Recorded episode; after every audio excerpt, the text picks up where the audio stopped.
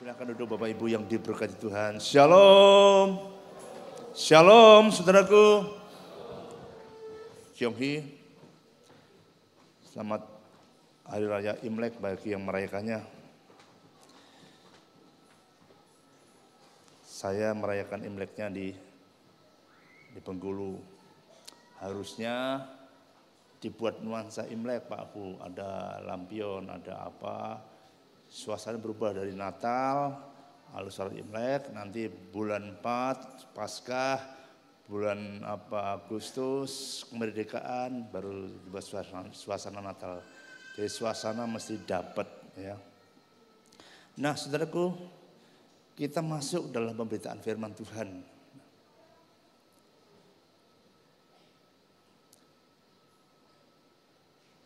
Saya sharekan firman Tuhan di tahun 2023 ini kita sedang berjalan di dalam lembah kegelaman. Kalau kita perhatikan saudaraku ya, dunia ini semakin nggak karuan, semakin tidak menentu dan tidak pasti. Bapak Presiden Jokowi baru-baru ini mengatakan begini, dunia sedang memasuki masa kegentingan global. Kegentingan global berarti para pemimpin-pemimpin dunia, bangsa-bangsa, raja-raja di dunia ini sebenarnya sudah cemas. Mereka tidak bisa memprediksi lagi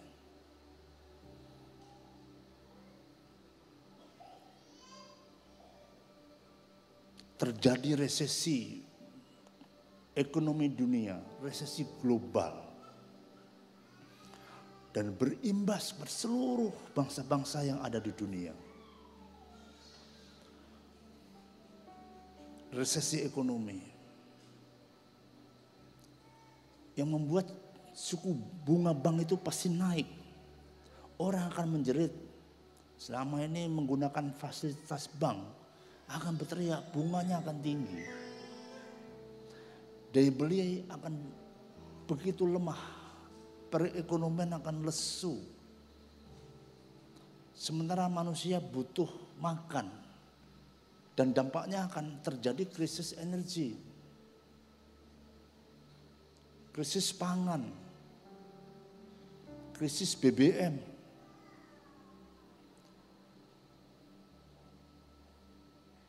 Saudara di dunia ini ketergantungan gas sama Rusia itu 70 persen gas dunia dikuasai sama Rusia. Kalau lagi ada perang dengan Ukraina, itu mengganggu. Inggris yang terkenal negara maju sedang bingung.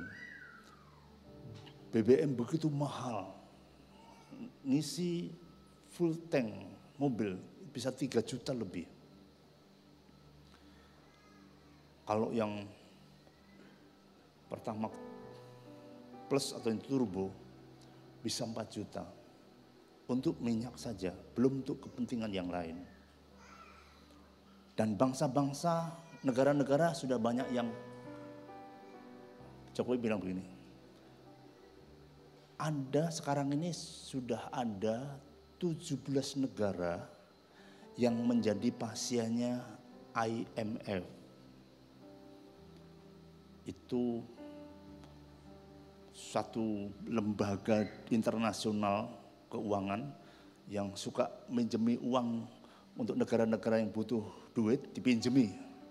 Ini IMF. Nah, 17 negara ini sudah kolab jadi pasien. Dan 30 negara lagi lagi antre untuk jadi pasien. Saya bisa bayangkan nanti belum lagi cuaca ekstrim yang mengakibatkan ya produktivitas akan turun, panen pun akan banyak yang gagal. Terjadi krisis pangan. Dunia akan dilanda seperti itu manusia akhirnya akan bertambah jahat. persaingan bertambah sengit. Manusia akan semakin brutal. Alkitab mengatakan, karena kejahatan manusia semakin meningkat, maka kasih manusia itu jadi dingin. Manusia enggak enggak mengasihi lagi.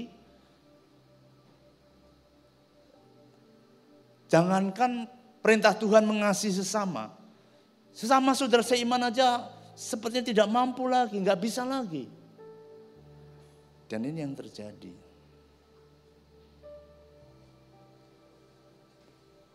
Teman saya, hamba Tuhan,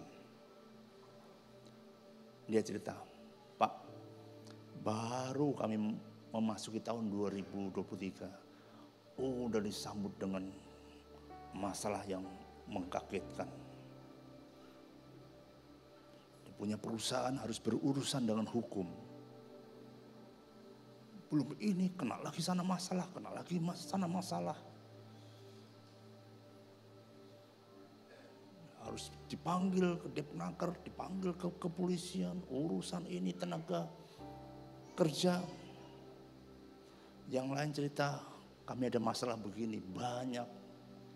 Bisa bayangkan ya. Inilah tahun 2023. Belum selesai pandemi. Masih tersiok-siok kita akibat pandemi. Disambut dengan bencana gempa di Cianjur, gunung meletus terus dan lain itu muter terus.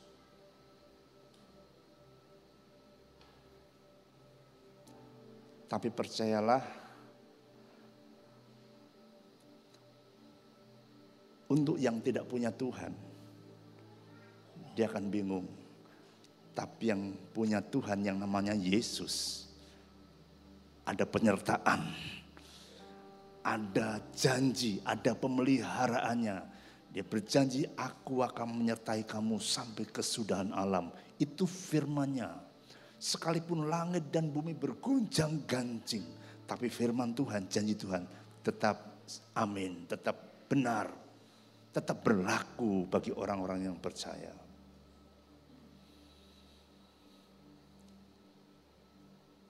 Saya akan membacakan nats firman Tuhan dalam Mazmur pasal 23.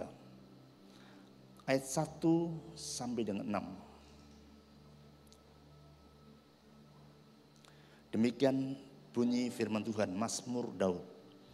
Tuhan adalah gembalaku. Takkan kekurangan aku. Ia memberikan aku di padang yang berumput hijau. Ia membimbing aku ke air yang tenang ia menyegarkan jiwaku. Ia menuntun aku di jalan yang benar oleh karena namanya. Sekalipun aku berjalan dalam lembah kekelaman, aku tidak takut bahaya. Sebab engkau besertaku. Gadamu dan tongkatmu, itulah yang menghibur aku. Engkau menyediakan hidangan bagiku di hadapan lawanku. Engkau mengurapi kepalaku dengan minyak. Pialaku penuh melimpah. Kebajikan dan kemurahan belaka akan mengikuti aku seumur hidupku. Dan aku akan diam dalam rumah Tuhan sepanjang masa. Katakan amin. Tuhan itu menggambarkan dirinya seperti seorang gembala dan umat-umatnya digambarkan Tuhan seperti domba-domba. Dan dunia ini digambarkan seperti padang gurun yang gersang. Ada sedikit oase, tapi banyak fata morgana, hal-hal yang semu yang ada di dunia. Sedikit ada sedikit padang rumput di gurun. Tapi Selebihnya adalah hamparan yang gersang. Itulah dunia yang sedang kita lewati. Semuanya hampa dan gersang. Orang kadang hormat, hormatnya hormat pun nggak tulus. Orang senyum, senyumnya pun nggak tulus. Semua hampa dan gersang. Mereka mengasihi karena uh, bukan uh, uh, faktornya ada karena kaya, karena cantik, karena kamu sukses, kamu saya mengasihi kamu. Bukan kasih karena walaupun walaupun kamu jatuh, walaupun kamu oh, jelek, walaupun kamu miskin, aku tetap mengasihi kamu. Dan kasih itu nggak ada lagi, hilang.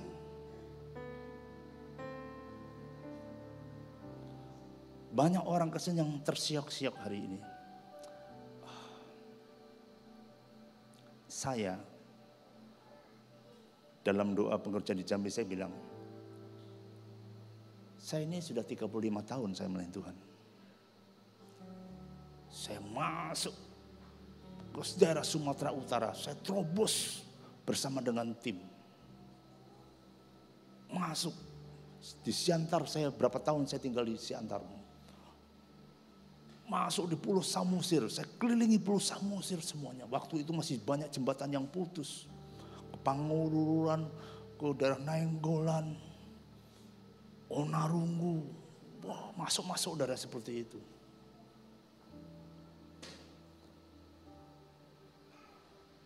Masuk dari Kabanjai ke Tanah Karo, ke Batu Karang. Masuk-masuk ke pelosok-pelosok Orang yang masih parbego-parbego menyembah pohon, menyembah batu. Kita buat acara KKR di balai-balai.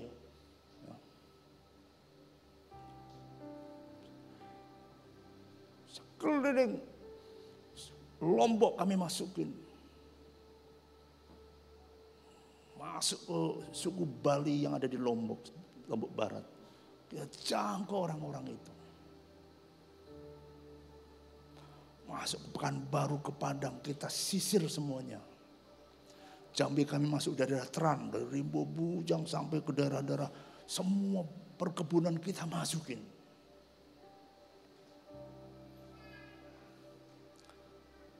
Tapi untuk bisa kayak gitu lagi, nggak bisa lagi saya. Saya itu kalau naik mobil dua jam, lama kok nggak nyampe-nyampe.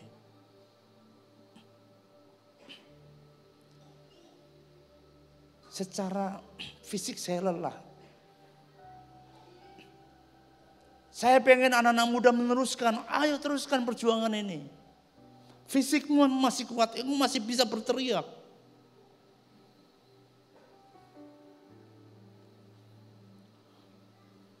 Tanda-tanda kedatangan Tuhan sudah begitu dekat.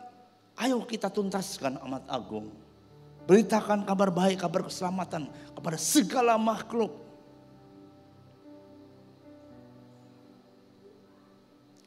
Kalau saya mau dibunuh, berkali-kali saya mau dibunuh di Jambi. Saya masuk di Palembang, buka Palembang. Waktu itu Pak Sabta masih jadi wakil saya. Palembang itu cabangnya Jambi. Saya buka Bangka lagi. Sungai lihat, Pangkal Pinang, Bake, Belinyo, kita masuk semua. Orang yang nyembah berhala, kerasukan, segala macam kita lepaskan semuanya.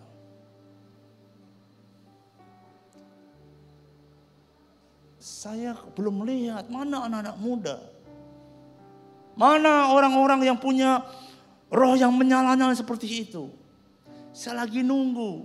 Saya mau berikan estaf, mau serahkan estafet ini. Ayo lanjutkan perjuangan kami ini.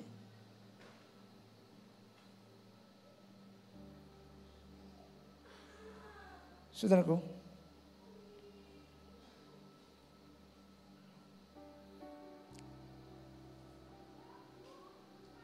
Tuhan gambarkan umat-umatnya seperti domba.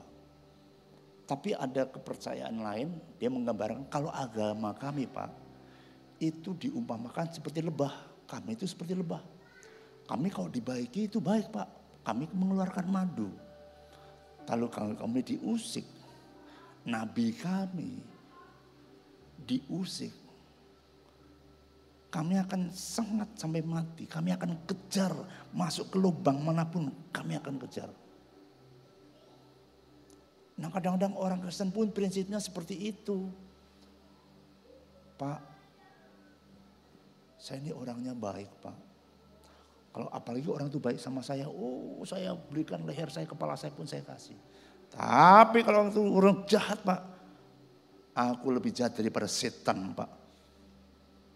Ada yang gitu. Berhenti dengan prinsip seperti itu. Tuhan gambarkan Anda dan saya seperti domba. Domba itu tidak berdaya. Binatang yang kalau dibawa ke, ke tempat penggembalaan tidak bisa balik, itu domba. Binatang peliharaan yang lain masih bisa balik ke rumah. Saya cerita dengan uh, penghobi burung. Di sekolah burung dipelihara. Dia beli burung merpati pos dari Jakarta, merpati pos golden. Dibeli. Bawalah ke Jambi.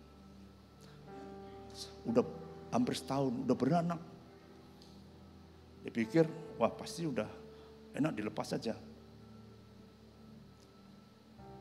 terbang dia. Ke mana?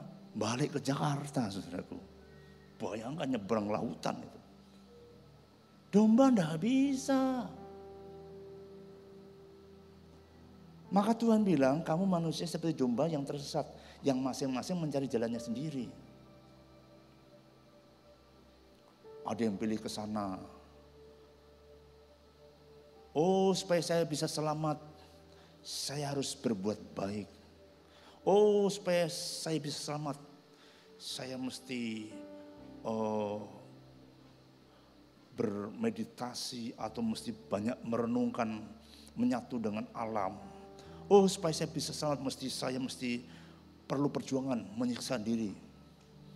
Kayak aliran agama yang di Nepal untuk bisa sampai ke kuil, dia mas merangkak saudaraku. Jalan berbudi, dia rangkak dia pakai kayak selop dari kayu tuh, ada karetnya, tarik lagi, terus tiarap itu, terus.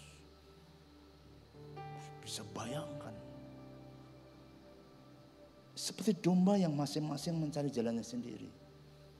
Agama itu manusia berusaha mencari Allah, tapi kekristenan Allah yang mencari manusia. Amin. Itu yang membedakan. Jadi kalau ada orang Kristen mau murtad, mikir saudara.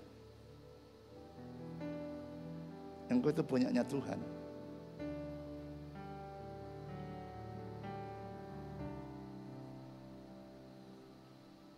Dan Tuhan itu semakin hari sedang semakin memancarkan terangnya. Jangan main-main dengan Tuhan.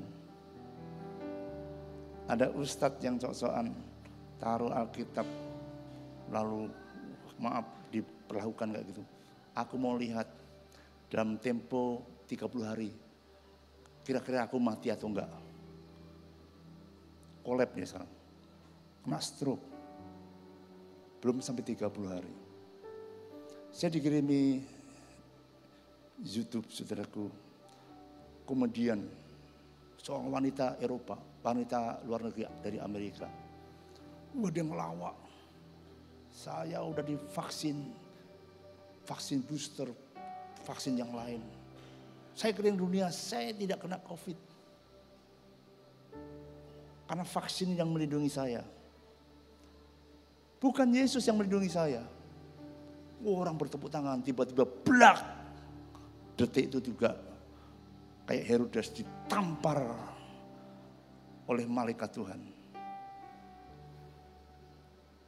Sebelum dia datang, dia akan menyata, menampakkan kemuliaannya.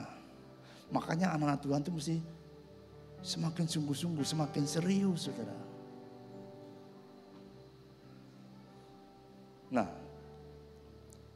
Tuhan tuh mau membawa domba-dombanya ke satu tempat yang namanya tempat yang penuh dengan air, sungai, dan ada rumput yang hijau. Itu goalnya Tuhan. Demikian pula Bapa di surga membawa kita ke satu kehidupan. Kita mengalami surga di bumi. Walaupun bumi banyak masalah, tapi kita merasakan ada surga di dalam hati kita. Dalam diri kita ada kehidupan. Tapi untuk sampai ke titik kehidupan seperti itu Bapak Ibu, kehidupan yang berkemenangan mesti melewati jalan yang namanya lembah kekelaman. Lembah dan bayang-bayang maut. Karena enggak jalan lain. Ketika domba dibawa ke situ, stres. Tidak ada rumput, gelap, sunyi, licin, curam. Saya mau kasih tahu ya, barangkali, siapa tahu, dan saya percaya, pada tahun ini, Bapak Ibu engkos yang dibawa oleh Tuhan, satu jalan yang namanya lembah kekelaman. Itu jalannya turun ke bawah. Mungkin bisnismu, usahamu lagi turun.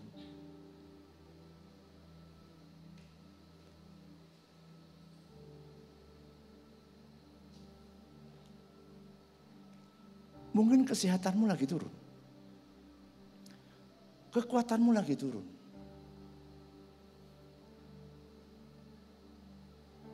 Mungkin juga rohanimu barangkali sedang turun.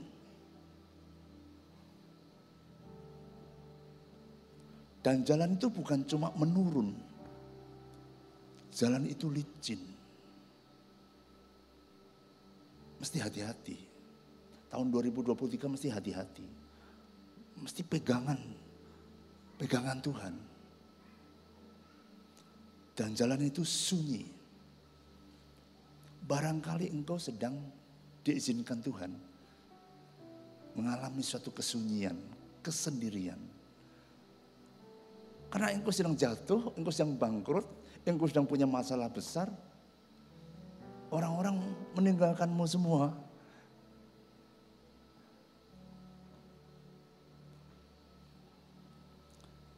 Saya itu ada anak Tuhan.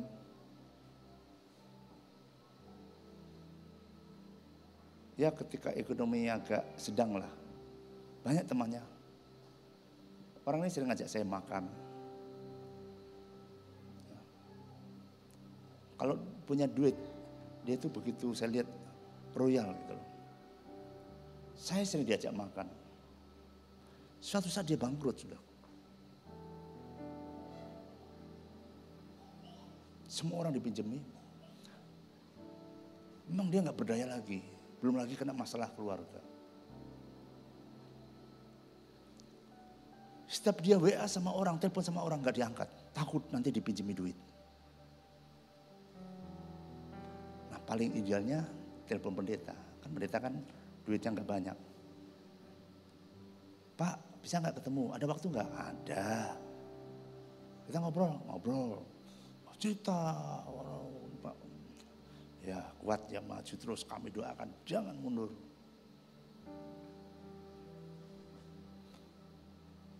berapa hari lagi telepon lagi Pak ada waktu enggak Ntar jam sekian saya ada waktu. Kita ketemu ya. Yang ceritakan yang, yang kemarin-kemarin yang dia ngomongin. Ya. Kuat ya. nggak tahan lagi. Pak kami mesti di Jakarta. Ya udah kami doakan. Jakarta terpuruk. Hubungi saya, Pak bisa nggak? Taruh saya terwaktu dulu. Oh bisa, temu ya. Oke. Sama ceritanya. Karena yang lain nggak mau nemuin dia. Kemarin, Pak kan saya ada pemberkatan nikah di Jakarta. Ya.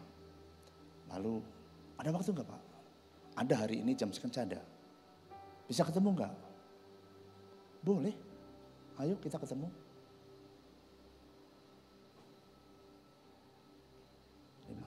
Gimana ceritanya? Ya, pokoknya saya harus ketemu Bapak. Ini, ini Bapak tahu nggak? Sekarang saya sudah mulai bagus. Ya, orang sudah mulai percaya sama saya menjalankan suatu uh, pekerjaan. Wih bagus. Ya udah, kami ikut senang sebelum itu. Nyalami saya. Apa? Enggak usah. Enggak bisa, saya harus memberkati Bapak. Ya udah, kalau itu mau kamu silakan, tapi saya betul Pak, karena kami sudah rasa diberkati. Dua bulan ini ekonomi kami udah bagus. Udah kamu diam, kamu doa, mengucap syukur sama Tuhan. Dan banyak orang-orang yang hari ini kondisinya seperti orang tadi. Sedang sendirian. Karena ditinggalkan orang-orang yang kemarin dekat dengan dia. Saya mau kasih tahu itu diizinkan Tuhan. Engkau sedang memasuki masa kekelaman, lembah kekelaman. Lalu bagaimana Pak ketika Tuhan membawa hidup saya, perjalanan hidup saya, perjalanan keluarga saya, perjalanan bisnis saya ke lembah kekelaman. Daud berkata, aku tidak takut bahaya. Jadi jawabannya ketika Tuhan membawa saudara tahun 2023 ini ke situasi yang sulit, keadaan yang tidak baik. Jawabannya Jangan takut. Apa saudara? Jangan takut. Catat baik-baik. Kenapa kita tidak boleh takut?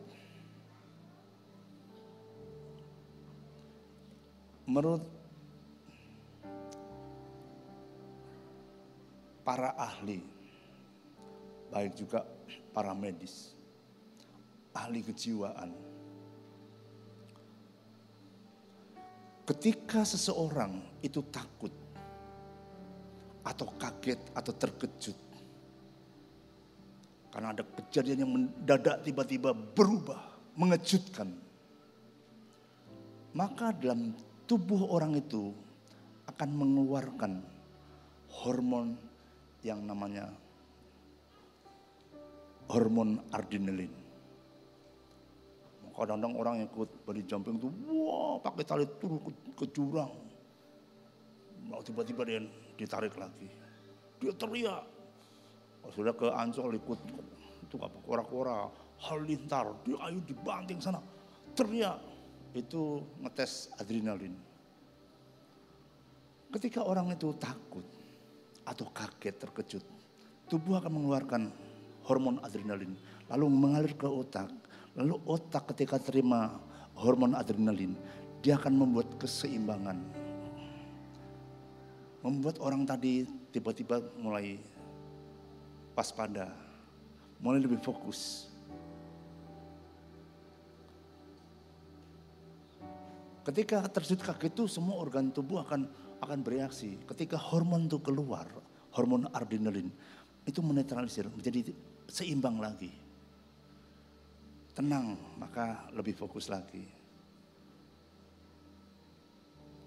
Akan tetapi ketika seorang atau seorang itu terus menerus dihantui oleh ketakutan, oleh kecemasan yang terus menerus, oleh kekhawatiran yang terus menerus, maka hormon adrenalin akan habis dan tubuh akan mengeluarkan yang namanya hormon endorfin dan hormon tiroid Nah hormon itu ketika keluar dari tubuh itu mengakibatkan kepanikan, stres.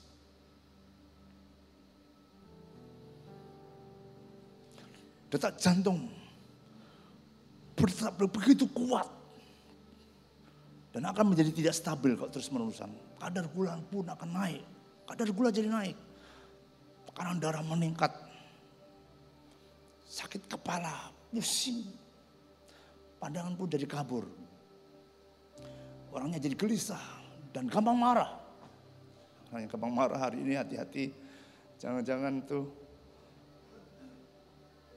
engkau sedang mengeluarkan hormon ya, endorfin sama tiroid. Gangguan tidur. Mudah lelah, migran. Dan ujung-ujungnya depresi. Dan akan dampak-dampak yang lain itu. Makanya nggak boleh takut. Jikalau ada masalah, ada tantangan, kamu tawar hati, maka kecillah kekuatanmu, kecillah kuasamu.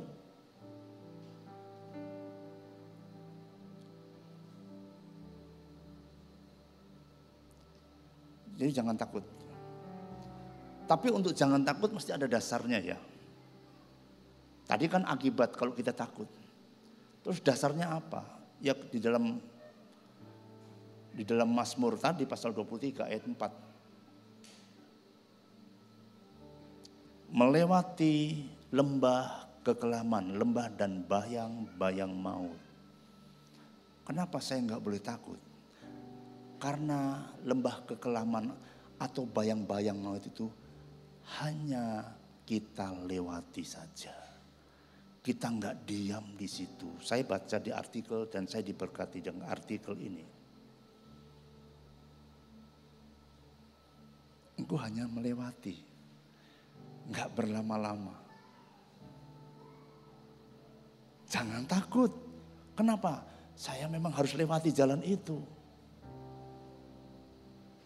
Jangan buat tenda dan tinggal di situ. Itu bukan tempat tinggal anak-anak Tuhan. Lembah dan bayang-bayang maut bukan tempat tinggalmu.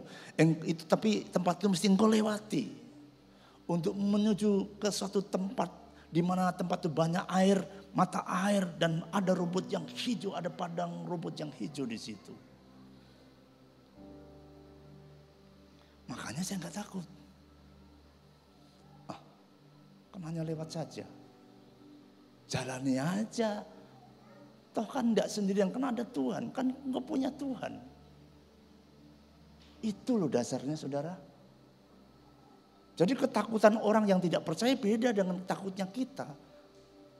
Takutnya kita ketika kita takut, wajar kita takut. Tetapi karena kita punya Tuhan, kita lewati. Coba kalau orang tuh mengalami ketakutan yang tidak ada harapannya. Tiba-tiba ada ada suka ada kan yang prank-prank itu ada hantu. Tiba, dia dia lari, padahal dia nggak bisa lari, jalan di tempat itu.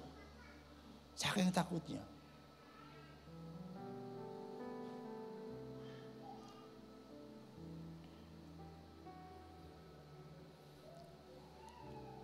Selanjutnya, bayangan itu akan selalu kelihatannya lebih besar daripada objek yang sebenarnya. Itu bayangan. Sebenarnya masalahmu itu kecil Bapak Ibu, kecil. Tapi engkau mengandalkan dan kekuatanmu sendiri, engkau merenung-renungkan sendiri, iblis ngompor-ngompori jadi gede. Menakutkan, menyeramkan. Wow, bayang-bayang kematian. Dan iblis senang. Kasih bayang-bayang itu.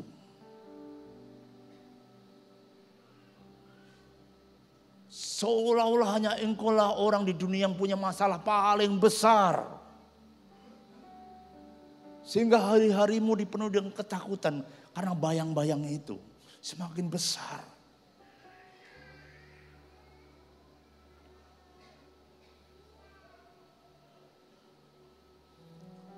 Dan ingat, bayangan itu tidak bisa membunuhmu, tidak bisa menyakitimu, tidak bisa melukaimu. Karena itu hanya sebuah bayangan. Tidak ada nggak baca berita orang mati ditumbur bayangan mobil. Tidak ada. Ada bayangan mobil lewat tiba-tiba tumbur mati. Tidak ada. Sebenarnya persoalan dan masalah yang diizinkan Tuhan. Yang akhirnya menjadi bayangan-bayangan yang menakutkan. Yang kau pikirkan. Sebenarnya itu bukan nggak ada apa-apanya. Karena ketakutanmu lah yang membuat engkau melihat masa itu jadi gede, menakutkan.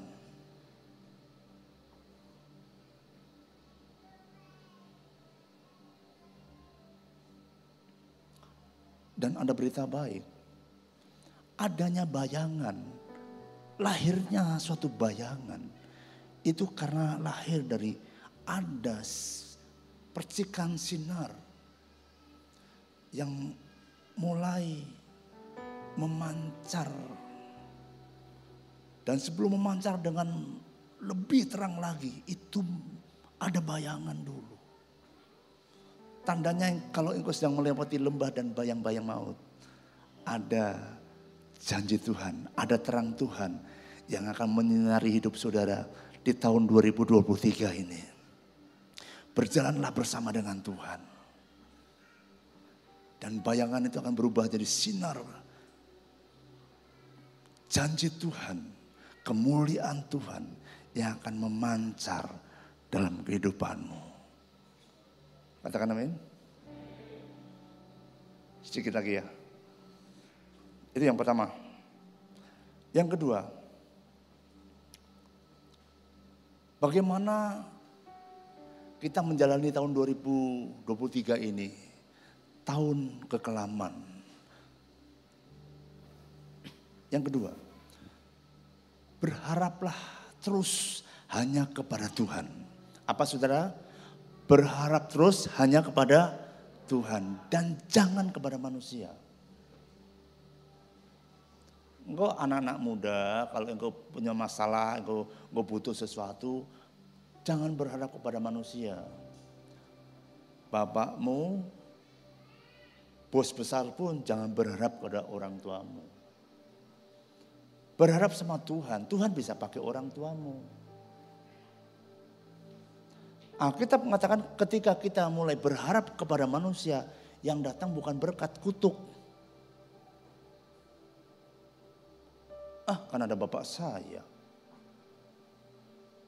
Kan bapak saya kaya. Bisa saja ketutup itu rezeki orang tuamu. Tapi kalau berharapnya pada Tuhan, Tuhan bisa pakai ayah kita, bapak kita. Siapa pun Tuhan bisa pakai. Dan jangan engkau mengandalkan kekuatanmu sendiri. Tahun 2023 ini engkau akan kalah, engkau akan apa? Engkau akan hancur kalau engkau andalkan kekuatanmu sendiri. Andalin Tuhan saja.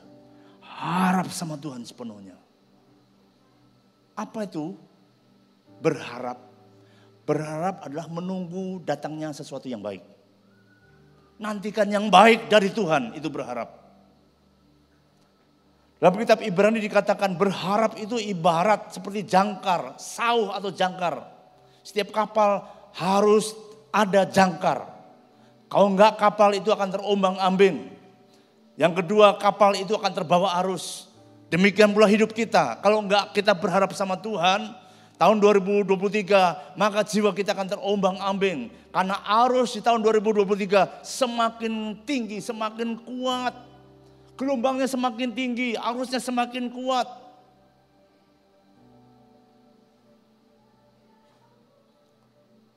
Berdoa Tuhan, hanya engkaulah pengharapanku Tuhan. Daud waktu itu mengalami masalah yang berat yang pelik sekali. Lalu dia berkata gini dalam Mazmurnya, Aku melayangkan mataku ke gunung-gunung tinggi. Dari mana datangnya pertolongan? Karena zaman dulu orang itu kalau mau mempersembahkan korban itu ke gunung Karmisim atau beribadah mencari Tuhan mereka pergi ke gunung dulu. Ke gunung mana? Ke mana? Siapa yang bisa menolongku? Dia tuh bingung dia. Aku melayangkan mataku ke gunung-gunung tinggi dari mana? Siapa yang bisa menolongku? Hai ternyata pertolonganku datangnya dari Allah yang maha tinggi. Yang menciptakan langit dan bumi. Yaitu Tuhan Allah Israel. Allah yang hidup. Allah yang kita panggil dalam nama Yesus Kristus Tuhan. Dialah penolong kita. Amin. Kita berikan tepuk tangan bagi Tuhan. Haleluya. Saya tidak perpanjangkan firman ini. Waktu berjalan terus. Tapi mesti nanti sudah doa ya. Seturun dari gedung ini. Engkau punya pengharapan. Engkau nggak takut dengan tahun 2023. Engkau dengar berita, barang-barang naik. Aku punya Tuhan. Aku semakin berharap, semakin sungguh-sungguh bekerja.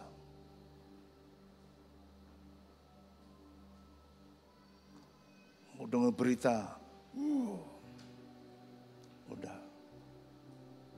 Itu memang gelombangnya lagi naik. Arusnya mulai kuat. Aneh nih, orang persaingan nggak karun nggak sehat bersaing di usaha, bersaing di dunia pelayanan, di dunia bisnis, dunia rohani pun dengan sangat tidak sehat.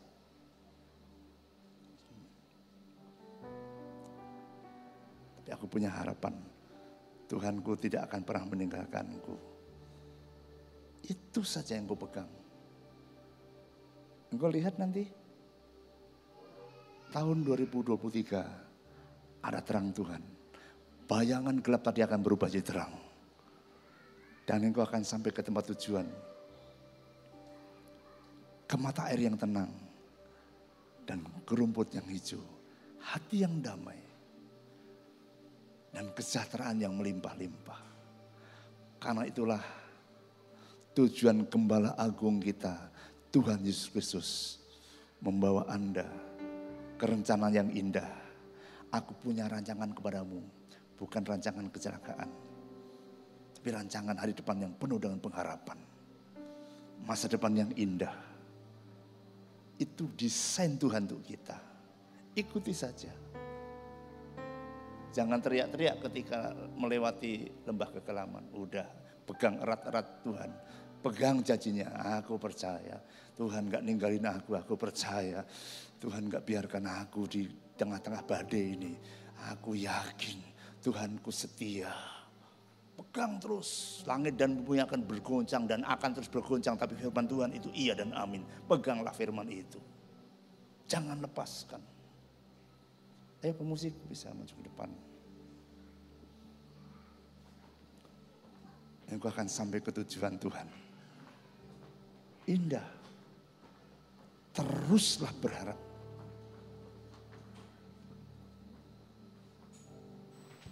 Jangan dengan kekuatanmu sendiri. Kita akan tumbang di tahun ini.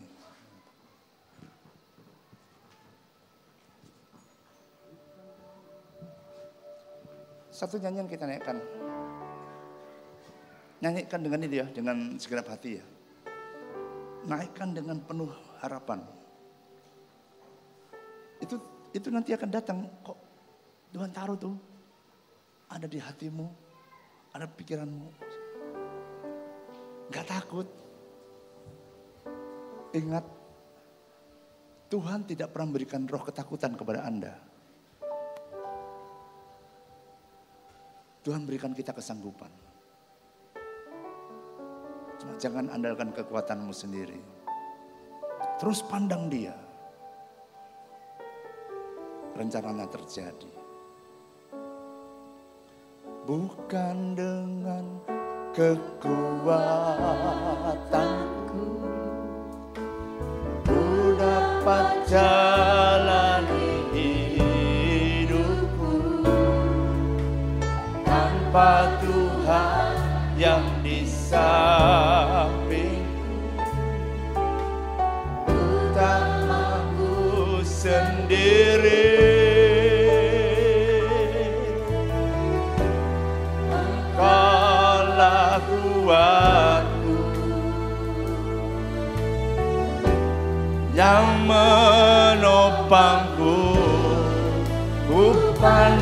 wajahmu Dan berseru Pertolonganku datang darimu. Peganglah tanganku Jangan lepaskan. Kaulah harapan dalam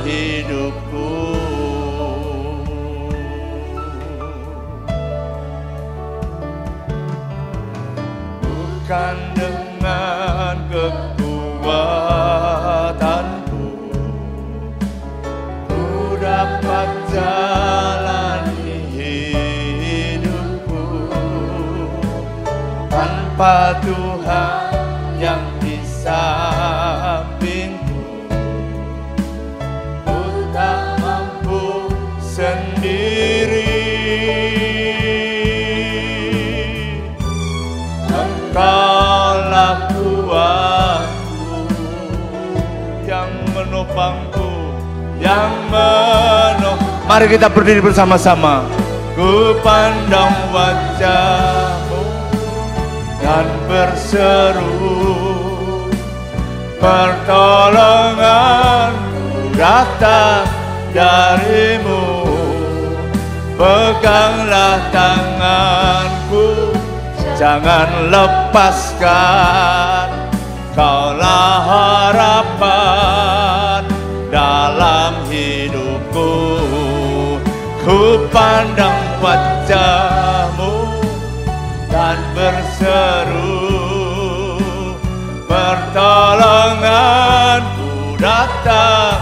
darimu.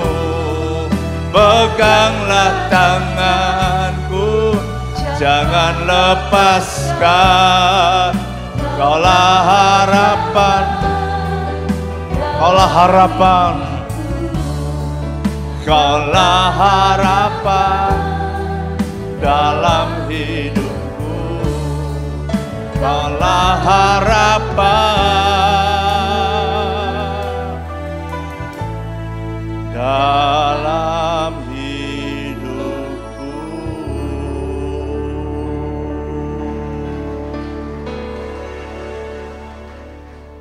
Mari angkat tanganmu saudaraku, saya akan doakan saudara. Tuhan, tolonglah anak-anakmu, domba-dombamu yang ada di penggulung Tuhan. Kau lihat banyak di antara anak-anakmu yang hari-hari ini sedang tidak berdaya. Sedang tidak sanggup dan tidak kuat menjalani tahun ini Tuhan. Namun kami percaya, Engkau Tuhan kami. Engkau bukan hanya Tuhan, Engkau gembala kami. Peganglah setiap tangan anak-anakmu. Peganglah mereka Tuhan. Topanglah mereka Bapa. Sehingga mereka boleh kuat menjalani tantangan yang ada. Persoalan yang ada. Tuhan kami percaya ketika engkau memegang mereka. Engkau menopang mereka. Kami akan melihat kegelapan akan memancarkan sinar kemuliaan Tuhan. Akan memancar dalam setiap kehidupan anak-anakmu. Terima kasih Bapak. Jadikan mereka pemenang-pemenang. Umat-umat pemenang.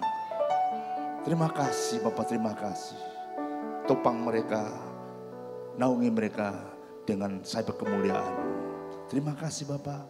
Dalam nama Tuhan Yesus Kristus. Haleluya. Semua katakan, amin. Tuhan memberkati, silahkan duduk saudara.